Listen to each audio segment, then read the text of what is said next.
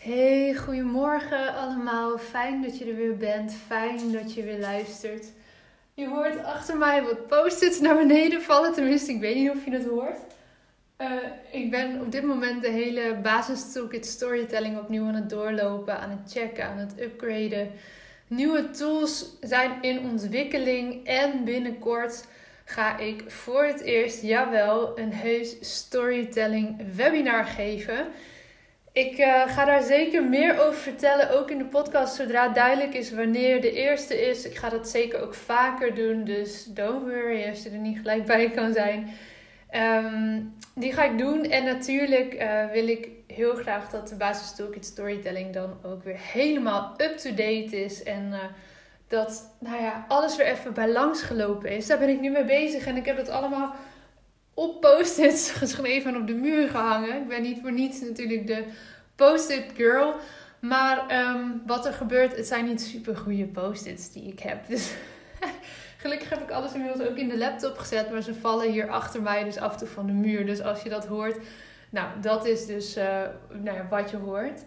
Um, vandaag, ik wil jullie even meenemen naar de mastermind die ik heb gehad op 5 maart. De laatste mastermind dag die ik had uh, bij Kim Munnekom. Ik heb daar een half jaar in het mastermind traject gezeten met nog 12 andere vrouwen. En we hadden afgelopen week de laatste dag. We gaan elkaar nog één keer zien, waarschijnlijk in mei. Maar um, ja, we hebben zes live dagen gehad die wonder boven wonder door konden gaan. Allemaal corona-proof met heel veel afstand en noem maar op.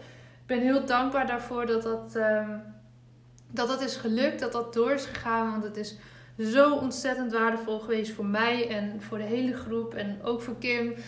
Dat is allemaal uitgesproken afgelopen week. En dat was zo mooi. Um, ja, dat valt bijna niet in woorden te vatten. We hebben elkaar ja, op een hot seat feedback gegeven. Eerst nog input gegeven, ook voor onze bedrijven. En uiteindelijk zijn, hebben we afgesloten met een ronde waarin iedereen. Nu gaat hier iemand lopen grasmaaien, geloof ik, voor de kamer waar ik. Oh ja, dit is heel fijn inderdaad. Er komt een een of andere bladblazer of grasmaaier, zoiets voorlangs. Echt recht voor mijn raam. Dus ik hoop dat jullie me nog goed verstaan. Ik denk het wel. Um, we sloten af. Ik zal mijn telefoon even vasthouden. We sloten af bij, uh, met een ronde waarin we ja, iedereen terug gingen koppelen. Wat voor groei we hebben gezien het afgelopen jaar. Een compliment, iets, iets leuks, iets liefs. In ieder geval allemaal positiefs. En dat was zo intens en zo mooi en zo liefdevol. En gepaard natuurlijk ook met mega veel tranen van iedereen zo'n beetje. Ja, dat was echt uh, niet in woorden te beschrijven wat daar gebeurde bij iedereen, inclusief uh, Kim ook, die daar ook heel kwetsbaar en heel open in was. En ja, dat gaf wel aan wat voor half jaar dit is geweest en wat voor onwijze groei ieder voor zich en de groep als geheel heeft doorgemaakt de afgelopen maanden. Dat is echt mega. Um, ik wil een oefening met je delen in deze podcast die we in de ochtend hebben gedaan voordat we deze rondes dus allemaal gingen doen. En die, ik zag dat Kim hem volgens mij ook al op haar eigen podcast heeft eh, gedeeld. Dus mocht je haar podcast actief luisteren, dan heb je hem misschien al voorbij zien komen. Ook bij Kim in, in haar eigen variant. Ik heb die aflevering niet geluisterd, omdat ik nou ja, aanwezig was bij de mastermind. dat vond ik een beetje dubbel op. Maar um, de strekking zal hetzelfde zijn. En die oefening hebben wij s morgens gedaan. Daar begonnen we mee. En dat was dat we voor onszelf gingen opschrijven ik weet dat ik succesvol ben als. En dan je top drie dingen mocht je gaan opschrijven. Die oefening wil ik je vandaag meegeven. Want dit gaat niet alleen over bedrijfssuccessen of persoonlijke successen of uh, verlangens die je hebt. Waarvan jij vindt als dat is gelukt, dan ben ik succesvol. Dit gaat heel erg ook om Welk verhaal vertel je jezelf hierin? Als je deze drie dingen opschrijft, ben je natuurlijk bezig met wat is voor mij succes? Wanneer vind ik dat, dat ik succesvol ben? Maar hier zit ook zo'n storytelling laag in.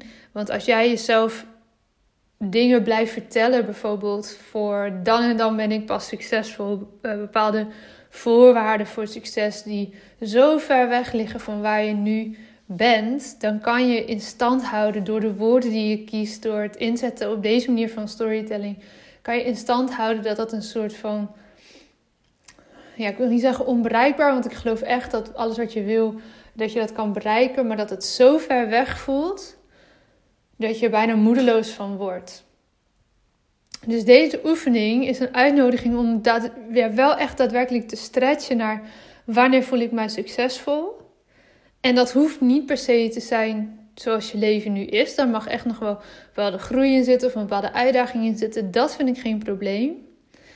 Maar ga ook goed kijken naar hey, wat, wat kies ik hier nu eigenlijk in. En is dat gebaseerd op geld, op cijfers, op gevoelens, op dingen privé, op dingen zakelijk. Ik zal met je delen wat dat voor mij was, wat ik heb opgeschreven.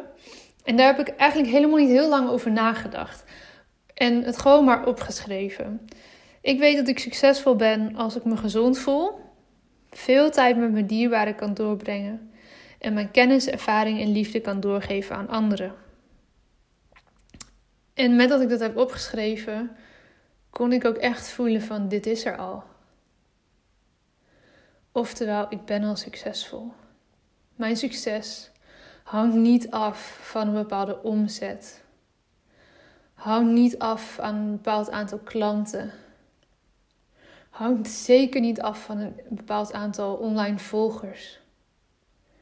En niet dat daar iets mis mee is, want die cijfers maken het meetbaar voor je. Dus het is absoluut niks mis mee als dat voor jou punten zijn waarop jij zegt: als ik dat heb bereikt, dan weet ik dat ik succesvol ben. Als ik deze vraag had moeten beantwoorden puur vanuit mijn business, puur op basis van cijfers, dan was ik ook met een bepaald omzetgetal gekomen.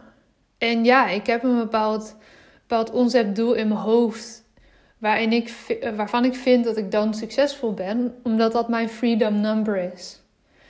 En daarmee bedoel ik, dat is voor mij het bedrag wat ik wil omzetten en waar ik dus mezelf ook een uh, x bedrag aan salaris uit kan uh, uitkeren. Waarmee ik kan doen en laten wat ik wil in mijn leven. Dus goed genoeg voor mij, voldoende voor mij.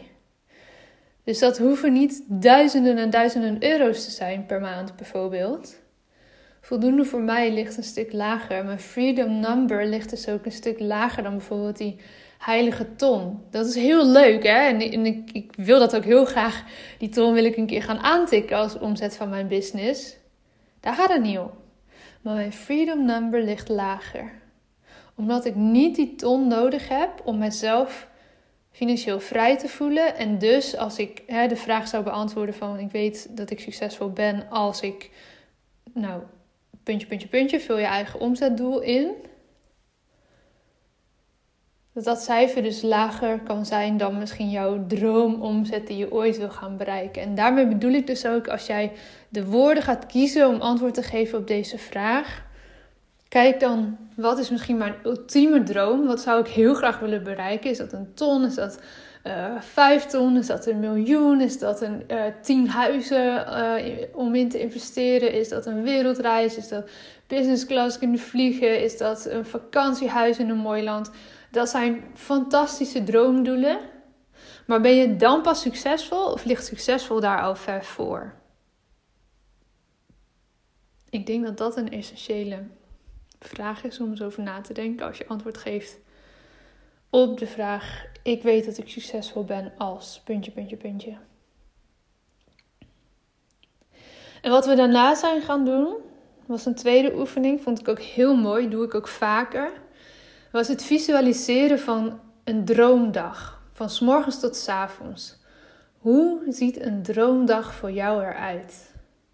Waar ben je? Wat doe je? Met wie ben je? Hoe ruikt het? Hoe ziet het eruit? Hoe voel je je? Wat hoor je?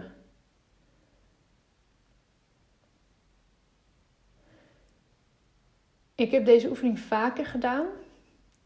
En bij mij komt er altijd, ik ga even de hoofdlijn nemen, komt altijd een bepaalde uh, strekking uit van dat ik in een warm land ben, dicht bij de zee, waarin we op het strand kunnen zijn, waarin we de zee in kunnen gaan, waarin we in de namiddag, in de avond eindig ik altijd in deze droomdag met vrienden en familie om een lange tafel, waarin de mannen lekker een barbecue aan het aansteken zijn en de vrouwen gewoon de, de drankjes bijschenken. En misschien nog wat in een mooie open keuken. Nog wat lekkere dingetjes.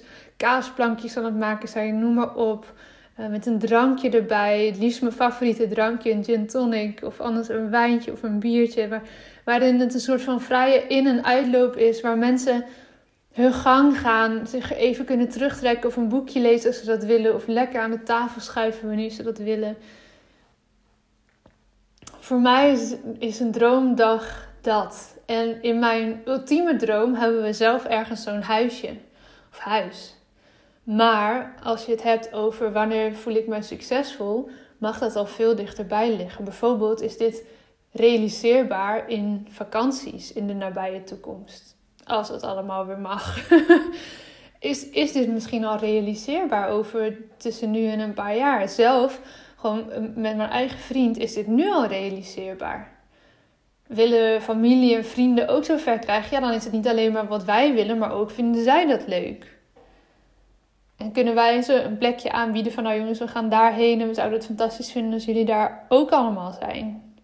Dan gaat het niet meer alleen over jezelf, maar ook over wat ander, andermans droomwensen zijn.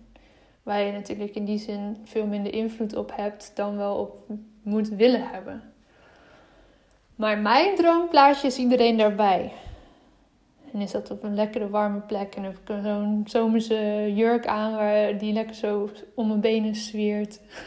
Schijnt de zon. Is iedereen blij. Is er lekker eten. Zijn er fijne mensen. Is er zee en is er strand. Deze oefening kan je aansluitend doen. Want ook dit is eigenlijk een, meer een visualisatie van wanneer jij je succesvol voelt. En misschien ook wel wanneer je je ultiem gelukkig voelt in die zin. Niet dat ik nu niet gelukkig ben. Ik ben hartstikke blij met hoe mijn leven nu is. En ik mag me ook echt beseffen dat ondanks alle shit van het afgelopen jaar, dat we het gewoon goed hebben. Natuurlijk mis ik ook dingen en, en zou ik heel graag nu mezelf verplaatsen naar dat warme land uh, in dat fijne huis, wat ik net heb, uh, heb verteld, heb gevisualiseerd. Maar dit hoeft voor jou dus ook niet te gaan om iets ver weg. Hè? Dit kan ook een, als jij zegt, ja, maar ik ben heel blij met hoe mijn leven nu is, dan kan het ook een dag uit je leven nu zijn die je visualiseert. Dit is echt voor iedereen anders. Twee oefeningen dus. Opschrijven, ik weet dat ik succesvol ben als. En hoe ziet jouw droomdag er dan uit? En kan je dat zo gedetailleerd mogelijk maken? Mag dus best een hele lap tekst worden. Doe maar gewoon, schrijf het op, gooi het eruit. Van s morgens vroeg tot s avonds laat. Hoe ziet jouw droomdag eruit? Ik ben heel benieuwd. Ik ben heel benieuwd wanneer jij je succesvol voelt en wanneer jij het gevoel hebt dat je je droomdag uit jouw leven aan het leven bent. Schrijf het op, want daarmee wordt het concreet en daarmee ga je dat ook bepaald verlangen uitzenden. En daarmee wordt het ook realiseerbaar, want dan weet je waar je naartoe werkt. Oké, dat was hem voor vandaag. Ik spreek jullie morgen weer.